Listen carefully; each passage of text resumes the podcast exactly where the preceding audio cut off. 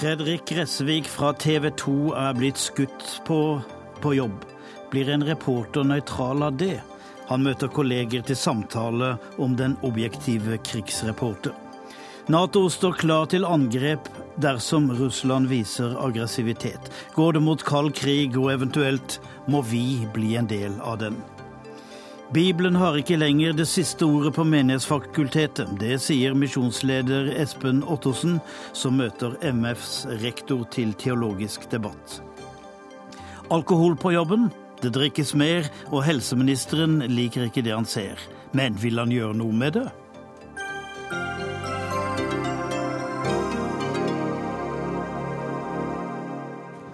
God kveld, her er Dagsnytt 18. Jeg heter Tom Kristiansen, og vi skal også innom Libya, som står på kanten av en borgerkrig. Hvilket ansvar har vi, som for tre år siden bombet landet, og som førte til at Gaddafi ble avsatt og siden drept? Etter stormfulle uker på Gaza og dundrende debatter om dekningen, spør vi i kveld om den balanserte journalistikk er mulig. Reporterne er blitt beskyldt for bestemte sympatier på vekslende grunnlag. Ofte er skildringer av de siviles lidelser og tap av liv blitt tolket som propaganda for Hamas. Og hva kan en reporter på bakken ta ansvar for? Fredrik Gressvik, du er utenriksreporter i TV 2. Dette kan du si mye om, og det skal du også få si noe om. Men siden du er med oss, så får jeg bare spørre deg aller helst først for, til en oppklaring. Er det slik at TV 2 har nektet deg å dekke Midtøsten etter at du har eh, både ytret deg her og der? Du skrev jo om dette selv i en twittermelding. Nei, på ingen som helst måte. De har sendt ned en annen person nå og har bedt meg om å ta ferie. og det syns jeg er ganske fint. Så får jeg tid til å slappe av. Så jeg er helt sikker på at jeg kommer til å fortsette å dekke Midtøsten, og det har både TV 2 og jeg understreket i dag også til de som har spurt. Når du står på Gazastripen, hvor objektiv balansert, nøytral kan du være som reporter? Det er eh, journalister før meg som har sagt det samme. Jeg tror ikke at det er mulig å rapportere objektivt om de som skyter på deg, enten du står på den ene eller andre siden i en konflikt. Du blir preget av det. Du blir preget av de lidelsene du er vitne til, enten på den ene eller den andre siden i konflikter som den vi nå har sett mellom Israel og, og palestinerne på Gazastripen.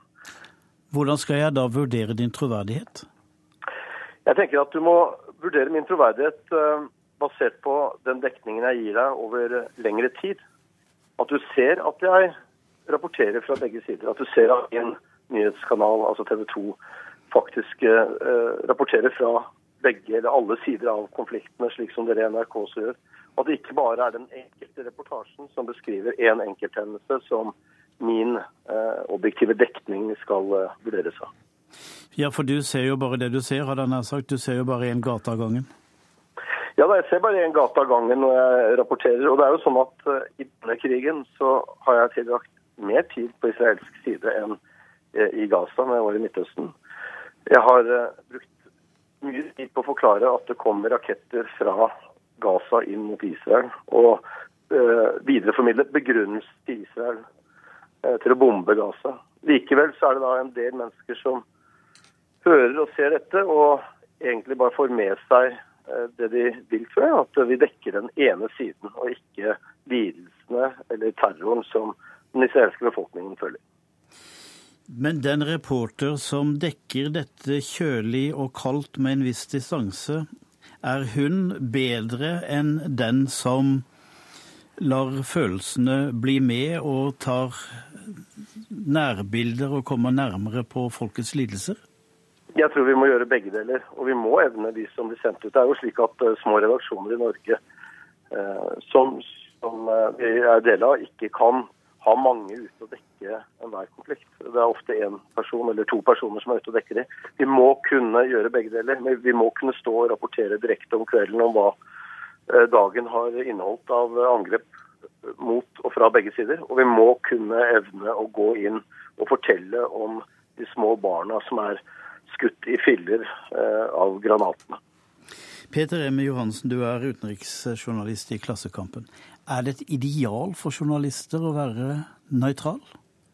Nei, det vil jeg ikke si.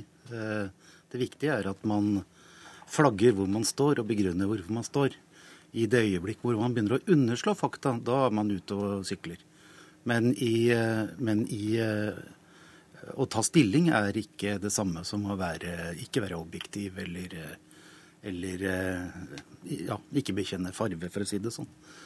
For å svare på Gressvik her nå, så, så syns jeg han gir et veldig godt bilde. Jeg tror at det som, Hvorfor vi har den debatten nå, det er at denne krigen er blitt dekket atskillig bedre enn krigen i 2008-2009. For da var det stort sett bare Mats Gilbert og Erik Fosse som var inne.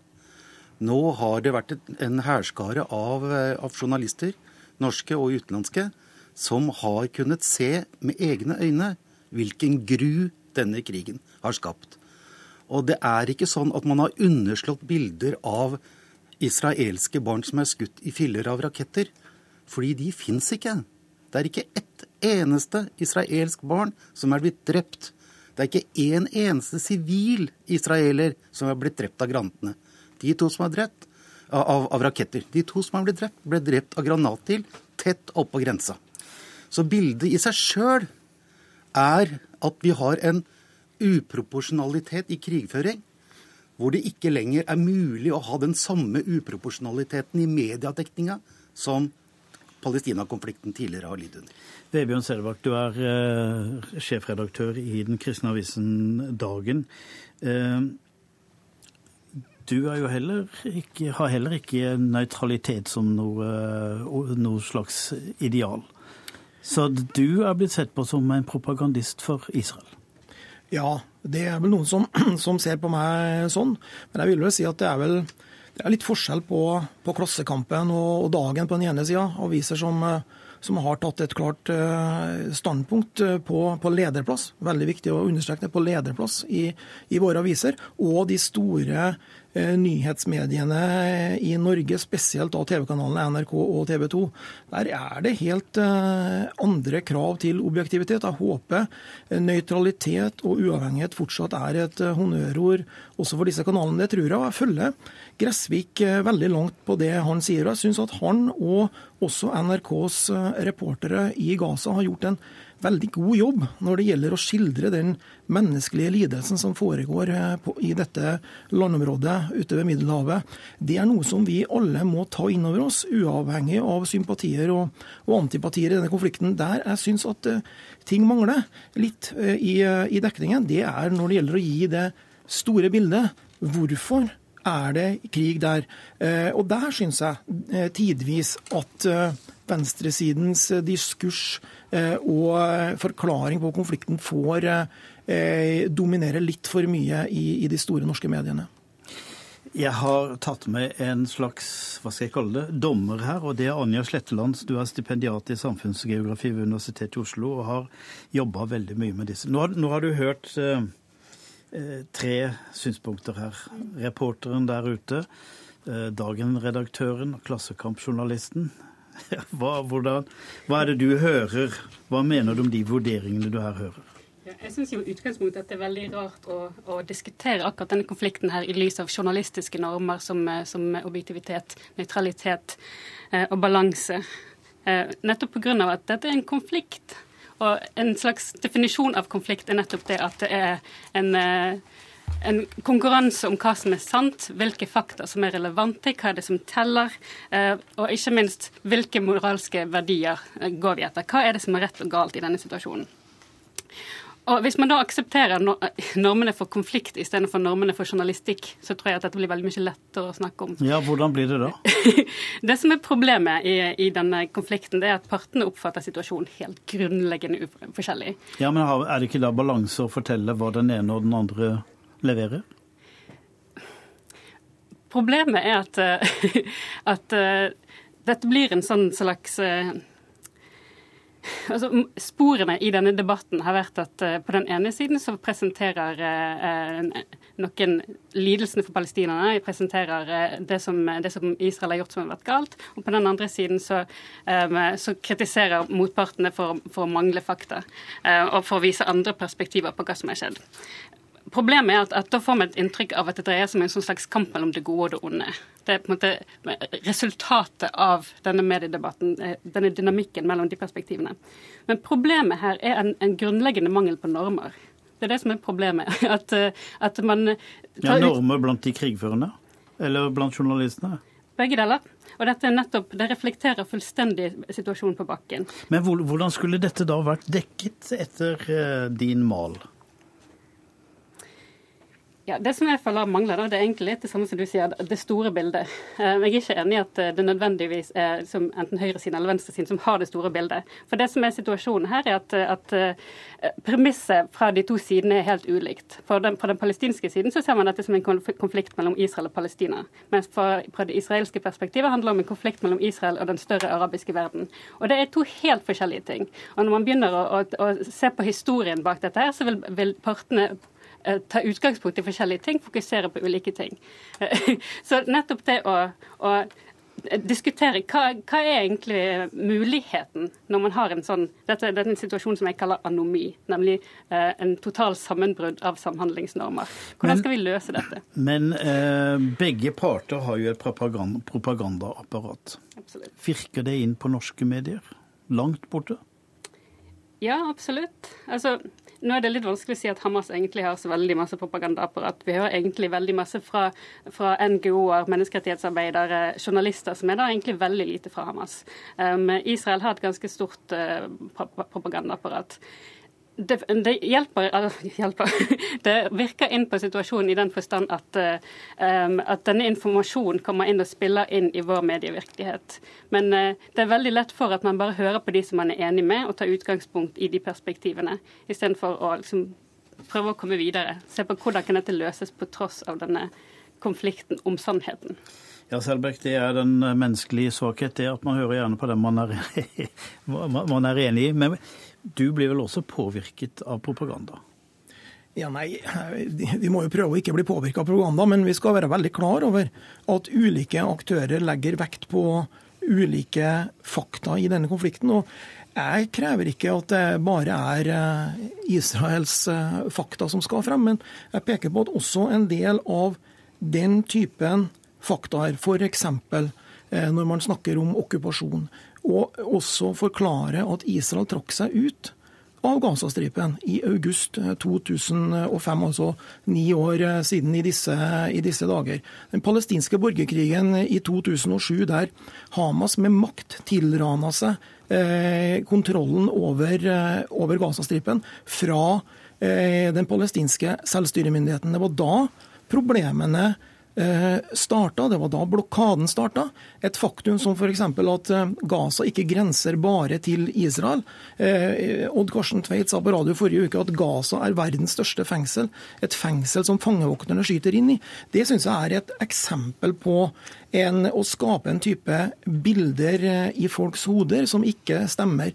Gaza grenser også til en annen suveren stat, nemlig Egypt deres eh, arabiske og muslimske brødre, også egypterne, holder grensa stengt fordi man ønsker ikke at Hamas-terroren og Hamas sin innflytelse skal spre seg inn i Egypt. Samme ærlig, står du noen gang i fare for å løpe Israels ærend, du som er en Israel-venn, og som lytter til både israelske informasjonskanaler og norske Israel-venner? Ja, jeg syns det er et eh, godt spørsmål om Kristiansen. Og det tror jeg både, både jeg og, og, og, Klassekampen som har veldig klare standpunkt på dette. Vi skal ta det inn over oss. Og, og bruke Og der syns jeg de, de journalistiske det journalistiske verktøykassa som vi har som pressefolk, gir oss veldig gode verktøy. Skille mellom kommentar og reportasje. Disse klassiske presseetiske verktøyene som vi har i verktøykassa, de kan hjelpe oss eh, til å skille mellom snørr og bart her. Fredrik eh, Gressvik, nå hører du to eh, journalister her som har klare personlige oppfatninger, og som lar journalistikken prege av det. Du er jo en reporter med et annet utgangspunkt. Hvordan høres dette ut for deg? Jeg tror vi alle er enig i én ting. Det er jo at vi skal prøve å skildre slike konflikter fra begge sider. At vi skal gi det store bildet. Det føler jeg jo også at vi i stor grad gjør, men vi kan ikke gjøre det i hver enkelt reportasje. og Det er det jeg føler at veldig mange av kritikerne har hengt seg opp i. De ser én reportasje eh, på TV som kan vare i ett og et halvt, to minutter, og mener at man ikke der har fått fram hele sannheten, hele bildet som de ønsker seg. Det er slik at Man kan ikke stille seg likegyldig som journalist til at barn blir drept. Man står som vitne og ser det. Og man er nødt til å formidle den tragedien til, til, verden. Og det å være på barns side i en konflikt som dette, det mener jeg er å ta riktig side. Da sier jeg takk til, til deg, Fredrik Gressvik, og til Peter M. Johannessen, Vebjørn Selbekk og Anja Sletteland.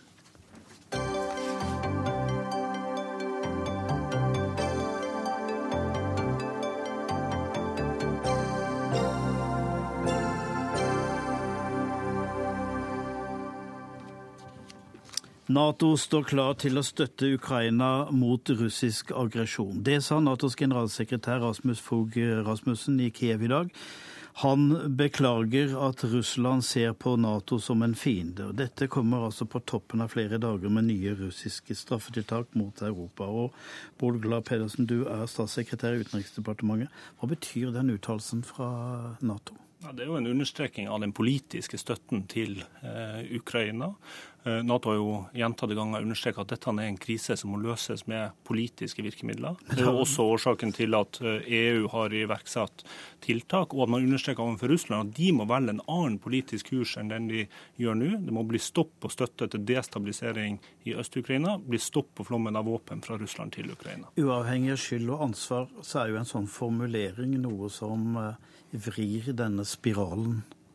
Ja, jeg har ikke noen kommentar til den formuleringa. Det viktigste nå er jo at det internasjonale samfunn står sammen i sin håndtering av denne situasjonen og legger et press på Russland for å velge en annen kurs. Etter at uh, det malaysiske passasjerflyet ble skutt ned, så har man jo sett en ytterligere forverring i eh, realiteten. Destabiliseringa fortsetter. Det fortsetter å komme våpen fra Russland til Ukraina. Det er fullstendig uakseptabelt. Det angår sikkerheten til hele Europa i realiteten. Og da er det viktig at vi står samla i håndteringa av det. Men er vi kommet til et slags vendepunkt med denne språkbruken?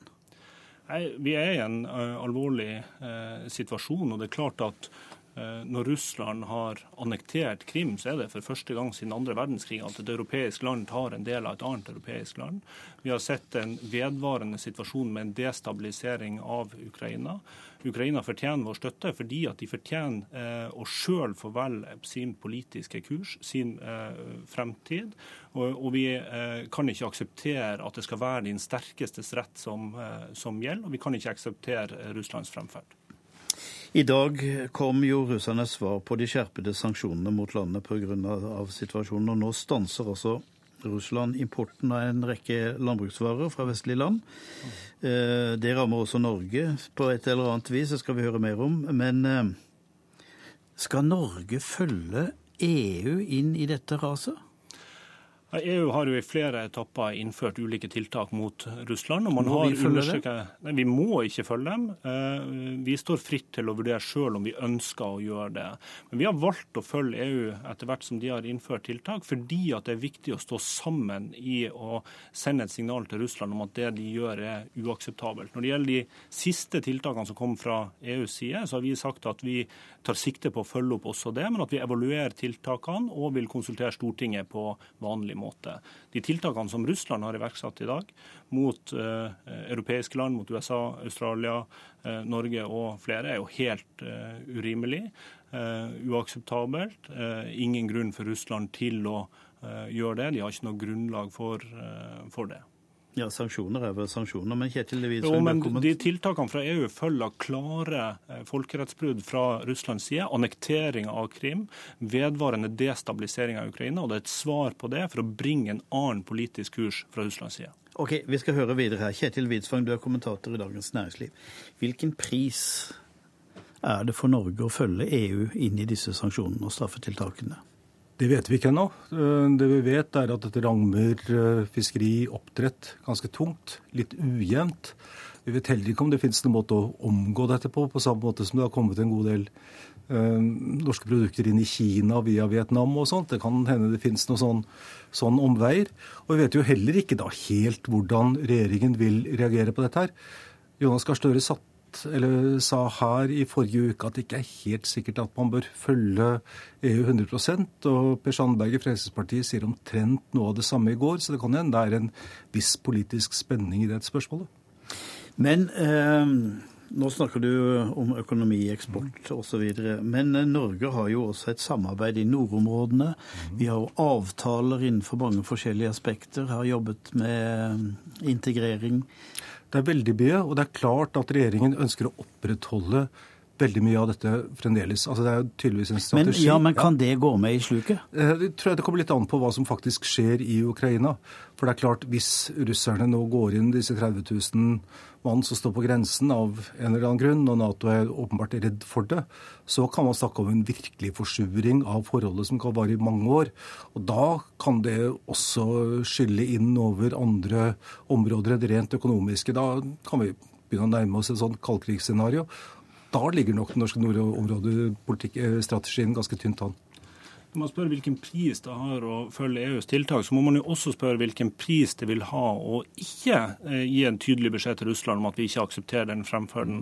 Eller hvilken pris det vil ha dersom vi sier til våre allierte eh, og våre partnere at vi forventer at dere tar kostnaden med eh, å la Russland få en reaksjon, mens vi forventer Eh, og at det ikke skal ha noen konsekvenser for oss. Det er klart at For et land som har syv ganger så stort havområde som vi har, som nettopp har de store nordområdene, som nettopp har et sånt forhold til Russland som vi har, så er det å stå sammen med partnere og allierte viktig. Geir Flikke, du er førsteamanuensis i russisk politikk ved Universitetet i, i Oslo. Hvor klok klokt er det å sette i gang dette, dette, denne eskaleringen av straffetiltak eh, mot hverandre? Nå, nå, nå sier statssekretæren her at uh, vi kan ikke bare la Russland ture fram uten videre, man må vise ryggrad. Men samtidig så kan vel det være med på å eskalere konflikten? Hvordan vurderer du det? Vel, jeg vurderer det dit hen at uh, fra den 18. mars, da Putin holdt sin tale til den føderale forsamlingen og sa at Krim uh, var en del av den russiske føderasjonen, så har sanksjonene og styrkingen av sanksjonene fulgt et logisk løp. Det at eh, en stat på Russlands størrelse går inn og annekterer en nabostats territorium, eh, det, som Glad Pedersen sier, det finnes det altså ikke presedens for siden andre verdenskrig.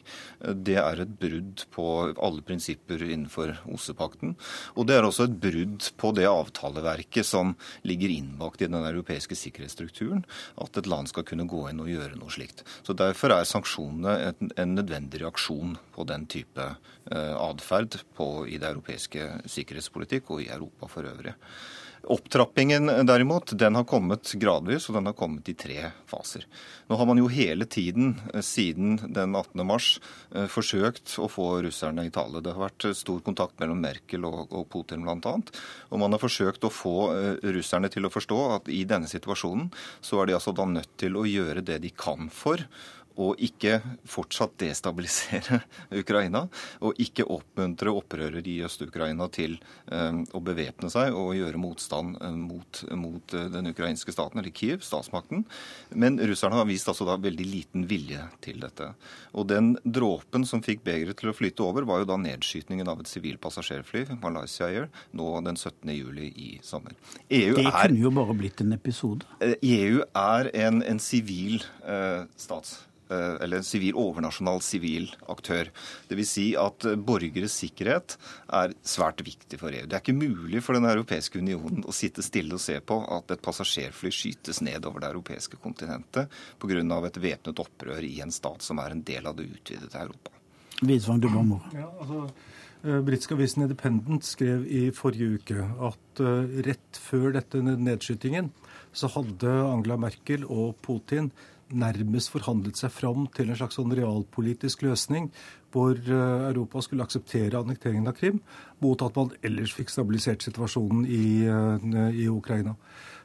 Det gikk da nedenom med den nedskytingen. så det virker jo sånn at det var den store game-changeren her? Det er et stort vendepunkt. Og det at Sikkerhetsrådet også da har fattet en resolusjon 2166 om nedskytningen eh, De kaller det for downing i denne sikkerhetsrådsresolusjonen, men det står videre ned i denne resolusjonen at det faktisk dreier seg om de facto dreier seg om en nedskytning. Det er også en indikasjon på hvor alvorlig denne krisen er blitt. Men kunne ikke Glad Pedersen, den nedskytningen blitt en episode som hadde snudd? Den negative utviklingen? Jo, Nedskytinga viser jo og minner oss om at dette er noe som ikke angår bare Ukraina, men som angår oss alle eh, i Europa. Eh, det er klart at eh, det burde ha bidratt til at Putin reflekterte over at det han bidrar til, har eh, farlige konsekvenser, og burde ha bidratt til at han endra kurs. Det så man at det gjorde det ikke, og det var årsaken til at EU kom med mer omfattende tiltak, disse sektortiltakene med virkning fra 1.8. Økonomiske tiltak mot Russland har effekt fordi at Russlands økonomi rammes. Putins popularitet er jo bygd over lang tid ved økonomisk vekst, og at han kan gi velstandsøkning til eh, befolkninga. Disse tiltakene treffer på et tidspunkt der russisk økonomi uansett er eh, krevende. og Hensikten med dem er å presse fram en annen politisk utvikling, sånn at det ikke blir den sterkestes eh, rett, men sånn at det blir politiske prosesser. Det er en veldig ujevn økonomisk kamp her. altså hvis du regner med at det blir en full handelskrig.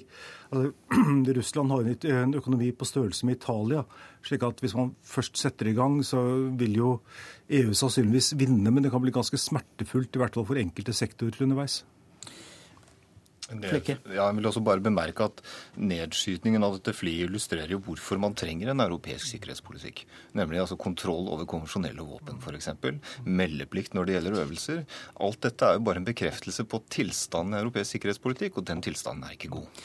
Hva er Putins agenda, eh, Flikke? Hva er det han uh, har uh, av tanker i sitt hode? Har han gitt opp å bli en europeer? Det syns jeg er vanskelig å si. Men altså, du kan si det er ett ord som går igjen uh, når det gjelder russisk utenrikspolitikk, og det er spørsmål om status og prestisje.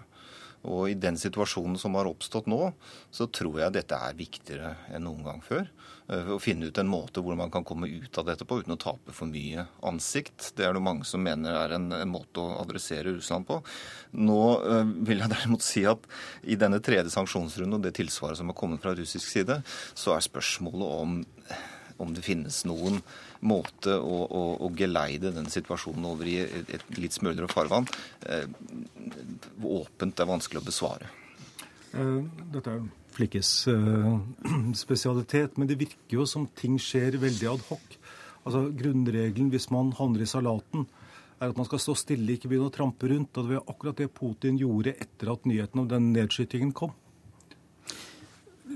Jeg synes det er god analyse. En av utfordringene er at det ser ut som Putin ser på dette som et nullsumspill, der det er sånn at dersom du vinner, så har jeg nødvendigvis eh, tapt. Men nå når han har iverksatt disse importrestriksjonene, så ser han jo også at det å iverksette den type tiltak medfører skade også for eh, Russland. Og at det er altså ikke sånn at eh, verden er et nullsumspill. Det er tvert imot sånn at internasjonalt samarbeid, eh, fredelig problemløsning, er en vinn-vinn-situasjon. Og det er jo dit vi må prøve å bringe situasjonen, selv om det er krevende. Man får krysse fingrene eller eller folde hendene, alt ettersom. Jeg takker Bård Glad Pedersen, Geir Flikke og Kjetil Widsvang.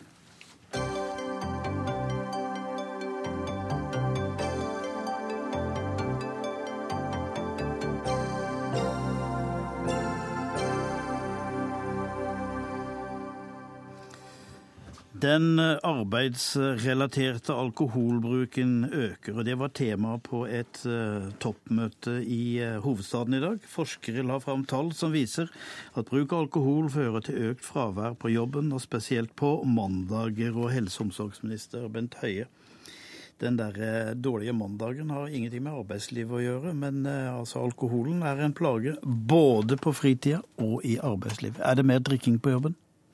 Altså, Vi har en uh, utfordring med at det økte alkoholforbruket uh, fører til sykefravær. Uh, og det er òg sånn at vi ser jo at det nok òg drikkes mer nå i disse, det som kan kalles for liksom gråsonen mellom arbeidstid og fritid. Det at en har fredagspilsen og sommeravslutningen og feiring av et prosjekt over og feiring av et prosjekt starter osv., som, som gjør at flere møter alkohol i, i arbeidslivet. Og det utgjør eh, både en utfordring for de som eh, utvikler en avhengighet og en alkoholbruk eller rusbruk som, som, som går utover muligheten til å delta i arbeidslivet, går utover familielivet osv. Altså det som er liksom, kjennes som den dramatiske bruken. Men, et, men det, også, det, er òg et problem for folkehelsen. altså for... Eh, Men er det et problem for folkehelsen at man har et eh, glass vin ved en feiring på jobben? Nei, og det var jeg òg opptatt i dag på møtet. Det, eh, og det tror jeg det er òg bred enighet om, at alkohol i arbeidslivet er en utfordring. Men det er selvfølgelig òg en, en, positiv del. Altså, det er mye positivt i det å ha det bra sammen med kolleger, eh, spise en god middag, drikke et glass, glass, vin. Men det som jeg er veldig opptatt av, det er at eh, arbeidsgivere, ledere, tillitsvalgte, bedriftshelsetjenesten har en bevisst holdning eh, til, til, dette, og ikke bare lar ting eh, gå uten å tenke gjennom hva er det vi gjør for noe. Kjetil Frøyland, du er forsker, du er direktør ved Arbeidsforskningsinstituttet. Eh, hvordan vil du beskrive bruken av alkohol i, i arbeidslivet? Ja, Nå er jeg ikke direktør eh, ved Arbeidsforskningsinstituttet, jeg er bare forskningsleder.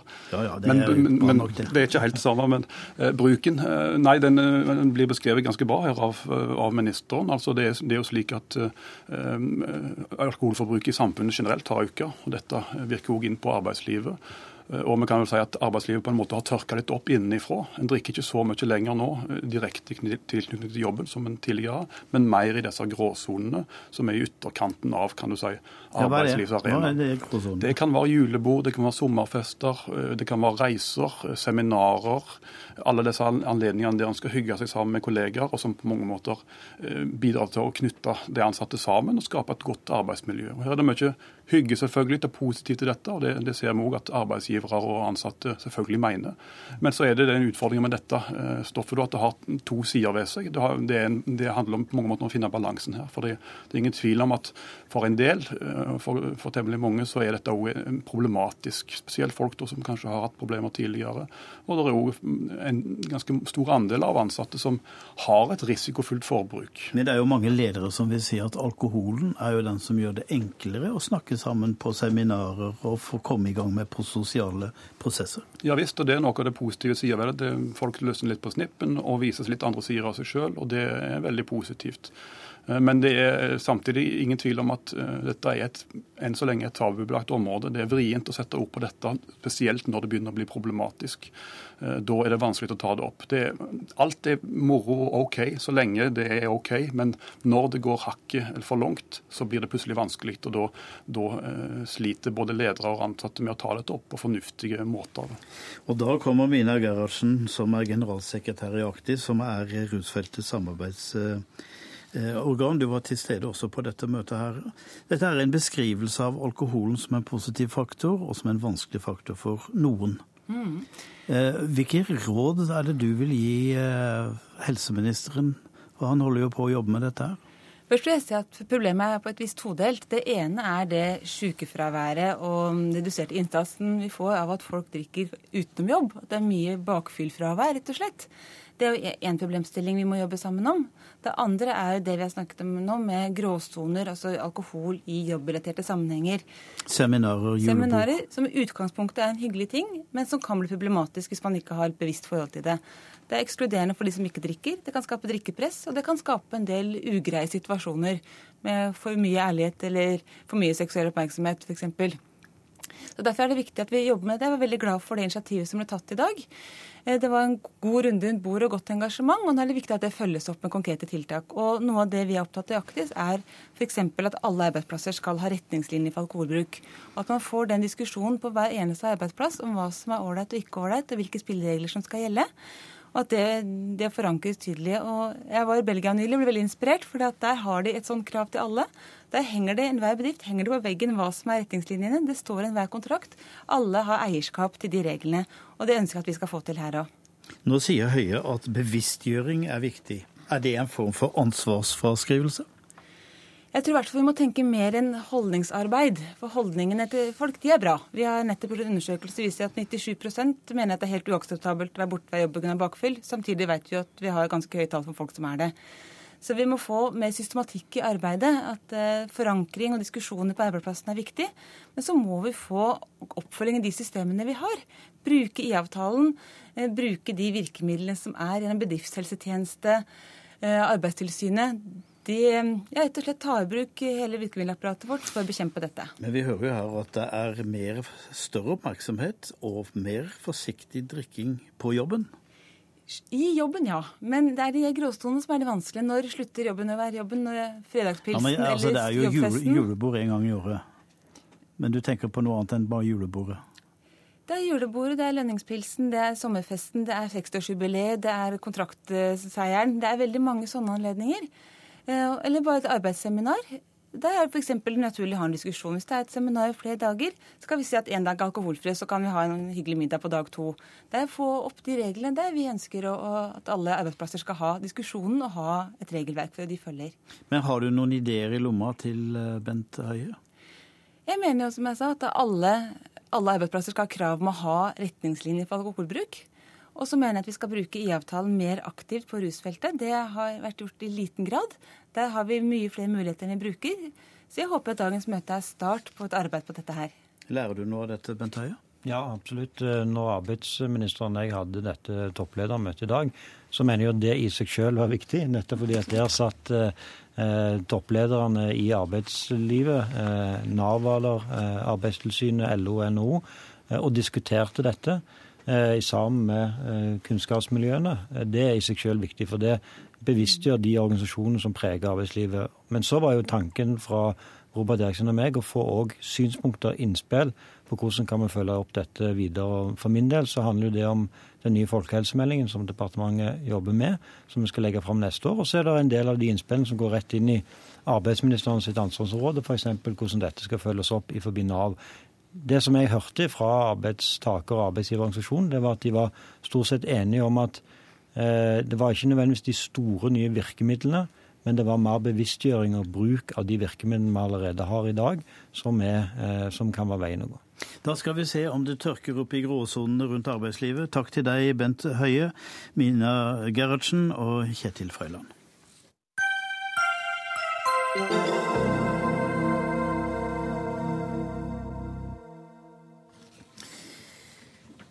Konservative kristne er bekymret for at Menighetsfakultetet er på glid. Er det sikkert at Bibelen fortsatt er den absolutte autoritet, eller kan man sette Bibelen til side dersom tekstene strider mot annen kunnskap og erfaring?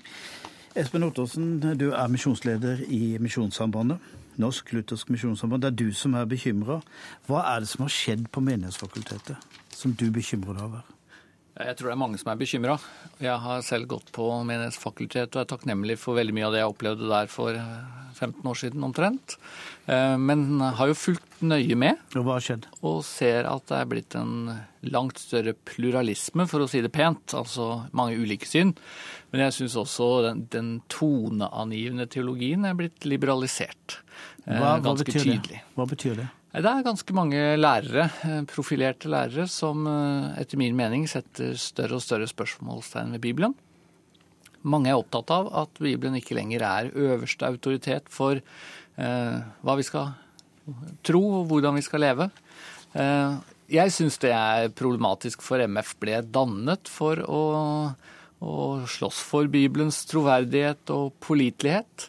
Eh, og nå er det egentlig ikke noen særlig forskjell på det som læres på MF og det som læres ved eh, universitetets teologiske fakultet. Hvordan liberale teologi levde sitt eh, liv, iallfall i gamle dager. Vidar Hånes, du er rektor på Menighetsfakultetet.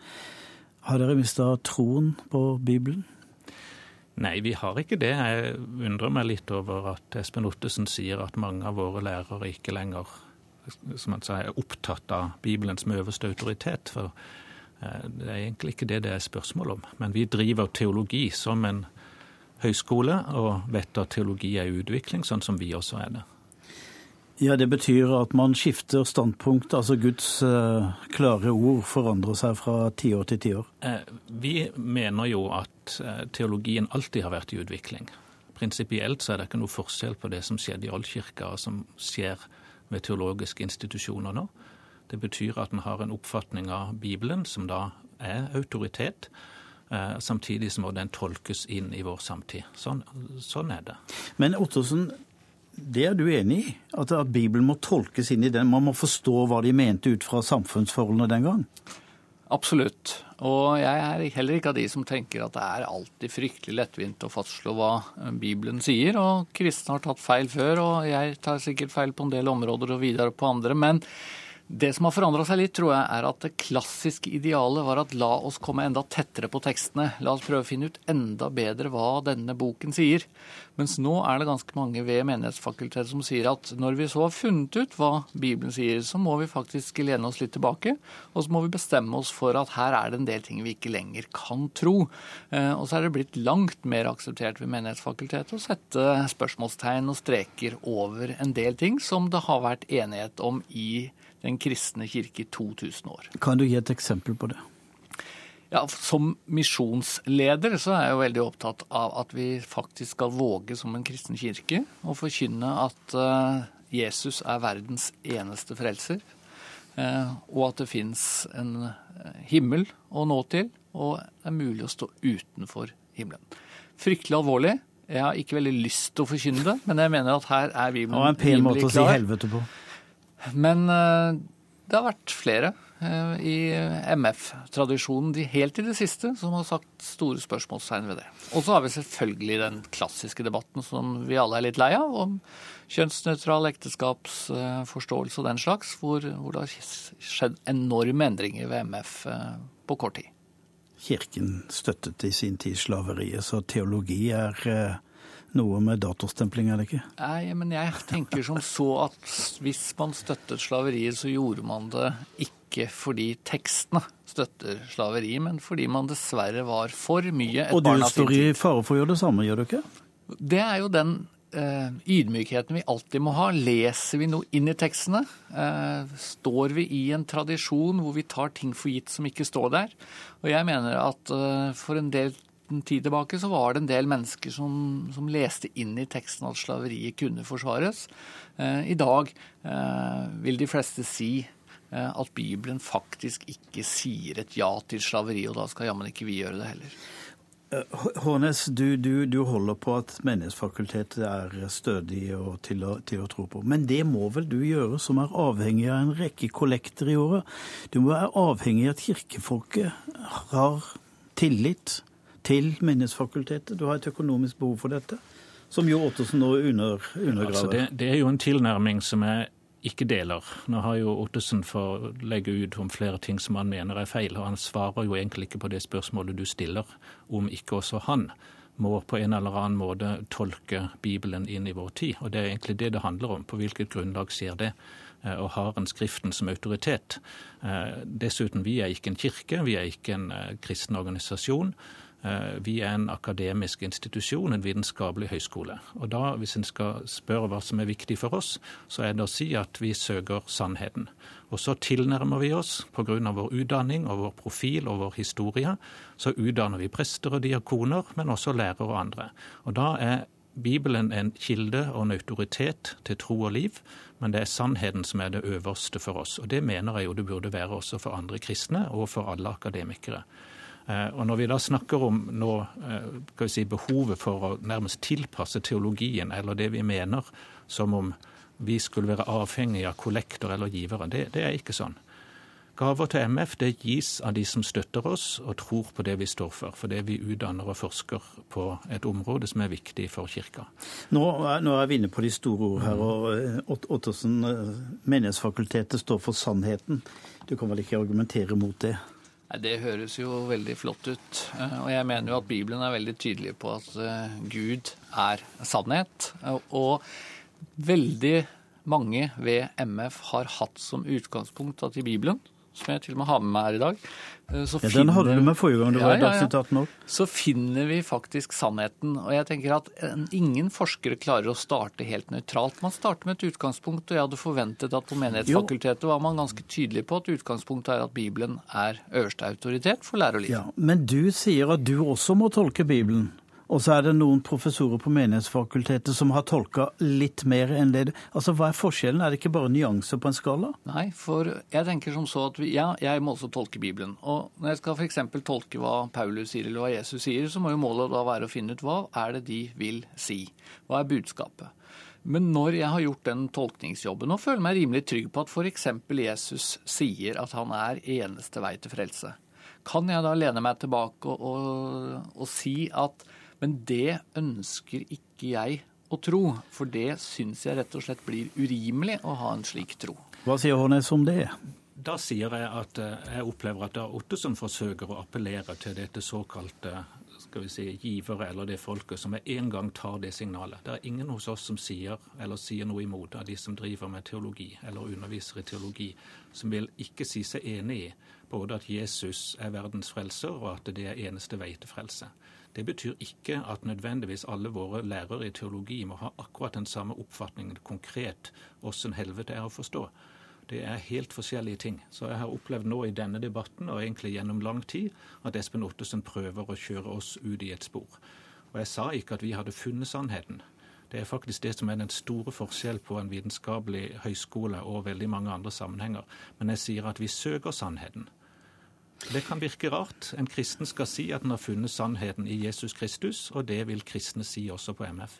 Men et teologisk arbeid består hele tida i å arbeide for å tolke Bibelen inn i vår tid og søke sannheten. Kan man bruke erfaring og fornuft til å sette Bibelen til side? Jeg vil ikke si at vi på den måten setter Bibelen til side, men erfaring og fornuft bruker vi hele tida når vi tolker. Eh, siden dette er noe som er kobla på både Hallesby og MF og MFs historie, som veldig mange forbinder med MF, så skriver jo Hallesby allerede i 1920 i sin troslære en rekke steder at han da sier at Bibelen tar feil både på det ene og det andre området. Og det Hallesby gjør, er å bruke erfaringen. Han ble kalt erfaringsteolog for å forstå hvordan ting skal oppfattes. Både fornuft og erfaring bruker vi, og det gjør Espen Ottesen også. Han er bare kanskje ikke alltid like villig til å innrømme det. Her tror jeg Hånes gjør ting litt vel enkelt. Eh, nå er det riktig at Hallesby og veldig mange ved Menighetsfakultetet har ment at det kunne være feil i Bibelen. Om det så gjelder biologi eller geografi eller den slags. Men det var stor enighet om at Bibelen er øverste autoritet, og den skal vi bøye oss for når det gjelder hva vi skal tro og hvordan vi skal leve.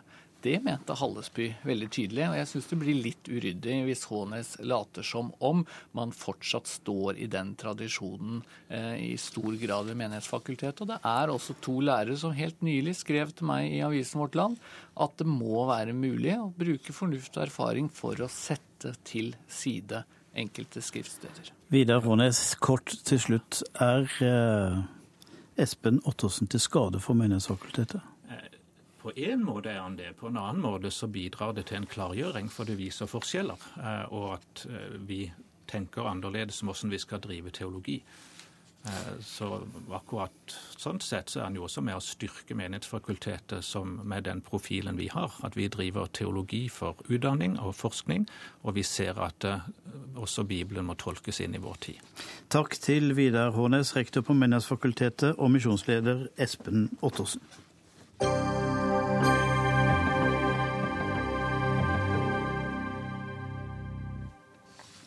Milits står mot milits i Libya, tre år etter at landet ble bombet av norske jagere og president Muammar Gaddafi ble styrtet og siden tatt livet av. Landet er ressursrikt med sin olje, men hvor ble det av den demokratiske utviklingen? En eksgeneral, noen islamistiske militser og bander står mot hverandre. Libya-forsker ved Universitetet i Bergen, Knut Vikør.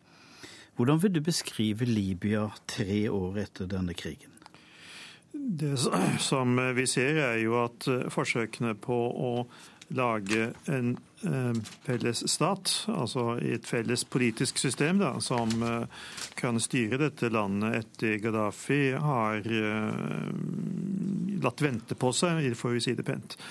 Og det kom jo mye av at Gaddafi etterlot seg et tomrom. Han hadde Hele det politiske systemet, hele staten, var bygd opp rundt hans person. Eh, og, og, da var det ingenting å fylle det igjen. Og de som kom etterpå, gjorde det jo heller ikke lettere for seg ved å vedta at ingen som hadde noen kontakt med det gamle styret, skulle kunne fortsette. Det vil si at de utvida det på tomrommet som var. Slik at det er et slags ikke-styre, et slags anarki, som, som vi ser i, i Libya i dag. Men eh, hvem vil du beskrive, beskrive, for meg hvem som kontrollerer Libya i dag? Ja, det her eksisterer jo en elementer da, til en statsapparat. altså Det har fått en generalkongress som er erstatta nå av en folkekongress. Statsministre som skiftes med jevne mellomrom, osv. Men de som har makta på bakken, den reelle makta på bakken, er disse store mengdene, snakker om kanskje 1700 forskjellige militser som er av ulik karakter. De fleste av de er nok eh, lokale, regionale stammer eller byer som tar styring med sitt eget område.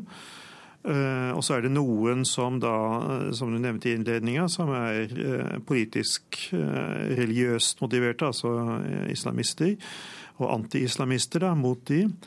Eh, slik at vi har både disse regionale, som ikke har noen nødvendigvis stor ideologisk eh, merkelapp på seg, og så noen da mer ideologiske og større eh, som slåss om makta sentralt. Men på en skala som går fra trefninger til borgerkrig, hvor vil du plassere Libya? Midt imellom. Det, jeg syns nok kanskje det er litt tidlig å snakke om borgerkrig i, i den forstand vi hadde under krigen mot Gaddafi da, i, i 2011. Eh, fordi det er ulike eh, fokusområder der det blir slåss. Altså det blir slåss rundt eh, flyplassen sør for Tripoli som får et visst eh, innslag i Tripoli, men ikke i hele byen. Det er Benghazi, et område der, altså de to største byene. da. Men i de andre deler av Libya er det jo ikke den typen kamper. Og det er ikke slik at det er enhetlige fronter. altså Det er mange forskjellige grupper som slåss mot hverandre noen, på noen plasser. Cecilie Helstvedt, du er seniorrådgiver ved International Law and Politics Institute. Det har jo også vært trefninger på grensa mot grupper fra Egypt. Så det er jo ikke bare Libya dette Kan du plassere Libya inn sammen med naboene? Ja, altså Det som skjer i Libya nå, er at den politiske overgangsprosessen som startet da Gaddafi falt, den eh, var programmert til å komme til en ende i august 2014. Så det er klart nå, nå, begynner på en måte en del av de politiske kreftene som har dannes i Libya, og som har på en måte sett frem til at de skulle få regjere landet når den overgangsprosessen var ferdig. De, de på en måte driver og, og, og, og, slåss med hverandre, og i tillegg så har du dette militsproblemet. Eh, konsekvensen Konsekvensen av det er at Libya i dag er et land egentlig uten et hærapparat, et sikkerhetsapparat, som kan kontrollere de ulike delene av landet. De kan ikke på en måte sette makt bak politikernes på en måte eh, ordre. Eh, og for Egypt, som jo er et helt annet sted, de har jo på en måte vært gjennom en arabisk vår hvor man har fått en militær overtagelse, og hvor man har en ganske sterk undertrykkelse av en del av de kreftene som kom opp under den arabiske våren, så er det viktig å få kontroll på Libya. Både for å hindre at du får en sånn spillovereffekt fra Libya til Egypt av uroligheter, men kanskje også for å hindre at egyptere som er etter hvert forfulgt i Egypt, får et fristed på andre siden av grensen. Så det er klart naboland som Egypt, og for så vidt også Algerie, eh, de har en veldig interesse i å holde dette så, så, mye eh, begrenset til Libya som mulig, og om mulig også gå inn og kontrollere det med, med egne sikkerhetsstyrker. Jeg har et veldig enkelt spørsmål til dere begge, og jeg kan begynne med deg, Vikør. Hvordan har den jevne libyer det? Nå begynner det å bli problemer. Er, vi har jo sett et økende flyktningproblem i de siste ukene. At en, en, flykter over mot eh, Tunisia eh, og, og til dels også østover. Eh, fordi at sikkerhetssituasjonen er, gjør det vanskelig. Eh, at en har mindre tilførsel av matvarer og andre nødvendige ting. Altså Det gikk lenge på uh, dette lokale selvstyret som på måte fungerte. Det varte en stund, men nå begynner det altså å bli krise i, uh, i store befolkningsområder. Helstvedt, hadde de det bedre før under Gaddafi? Det kommer nok litt an på hvem du spør, og det kommer litt an på hva du sikter til. Rent materielt hadde de det nok eh, bedre i en del områder. Eh, det som er paradokset i disse dager, er at hvis man nå sier i Libya jeg vil gjerne tilbake til det som var før, så er det veldig vanskelig å se hvordan det kan skje. Fordi i Libya er det jo ingen som har evnen til å presse igjennom et nytt regime, nettopp fordi de mangler militær eller politisk gjennomslagskraft i hele landet. Og eh, det som er litt av paradokset, eh, er jo nettopp at det som har skjedd de siste tre årene, er til dels en følge av måten Gaddafi falt på. Fordi han falt gjennom Nato-hjelp fra luften. Nato hjalp i realiteten disse ulike gruppene eh, som i dag slåss med hverandre, til å ta makten i Tripoli og, og velte Gaddafis regime, uten at du fikk en naturlig hierarkisk ordning mellom dem. Så det er ingen av disse gruppene som alle ofret mye i krigen om Libya, som har på en måte noen grunn til å gi politisk makt eller si fra seg sine områder til nabogruppen, som har ofret like mye, men ikke mer. Så det er klart det er et problem rundt fragmenteringen av ulike væpnede grupper uten en organisasjon, uten en disiplin mellom det, som kom som følge av at Nato, med et folkerettslig mandat til kun å bombe Libya fra luften, ikke fikk anledning til, om du vil, eh, å få et apparat på bakken som kunne overta Libya da Gaddafi falt. Svein Roald Hansen, du er medlem i Stortingets utenriks- og forsvarskomité for Arbeiderpartiet. og Det var jo et enstemmig storting som støtta Norges deltakelse i operasjonen eh, som endte med at Gaddafi ble fjernet. Var det en riktig avgjørelse, når du nå i ettertid ser hvordan dette landet nå ser ut? Du har fått beskrivelsen her. Ja, Det vi ikke må glemme, er at begrunnelsen for uh, operasjonen var ikke å fjerne Gaddafi, men det var å forhindre at Gaddafis styrker skulle gå inn i Benghazi og gjøre det han sa de skulle gjøre. Altså Det var for å beskytte sivile. Uh, så utviklet det seg slik som vi så, og det endte med Gaddafis uh, fall. Men jeg mener det var riktig å gjøre det som ble gjort for å beskytte de sivile i Benghazi. Men utviklingen etterpå er jo eh, tragisk, eh, og det illustrerer jo at eh, det er lett å støtte eh, de som gjør opprør mot diktatorer. Det har vi sett flere steder nå i, i løpet av den arabiske våren. Men det er vanskelig å se hvor de demokratiske kreftene manifesterer seg. Men dette måtte man da vite på forhånd? Nei, jeg tror, eh, jeg, jeg tror, det var vanskelig å forutse denne utviklingen her. Det var nok et tillit til og håp om at det skulle være krefter her som kunne uh, få, uh, få, en annen utvikling og kunne enes uh, politisk. Men når man har bombet dette landet så ettertrykkelig som Norge har gjort, så har man vel også et slags ansvar? Altså Det ansvaret vi tok, var å beskytte de sivile i Benghazi. Eh, og så vil det internasjonale samfunn etter mitt skjønn alltid ha et ansvar for å bistå land som er i den situasjonen som Libya er i. Men det forutsetter at de kreftene som har makt, enten det er regionalt eller forsøker å få det nasjonalt i et slikt land, ønsker og er i stand til å ta imot eh, ansvar. Eh, Norge har bidratt økonomisk eh, gjennom eh, ulike FN-organisasjoner, Norsk folkehels minneprogram, Røde Kors-programmer. Men det er et problem at det er ikke kapasitet, og det er ikke skal vi si, administrasjon, det er ikke myndigheter i Libya til å gjøre seg nytte av hjelpen på en fornuftig måte. Hellestveit, kan Norge fraskrive seg ansvaret?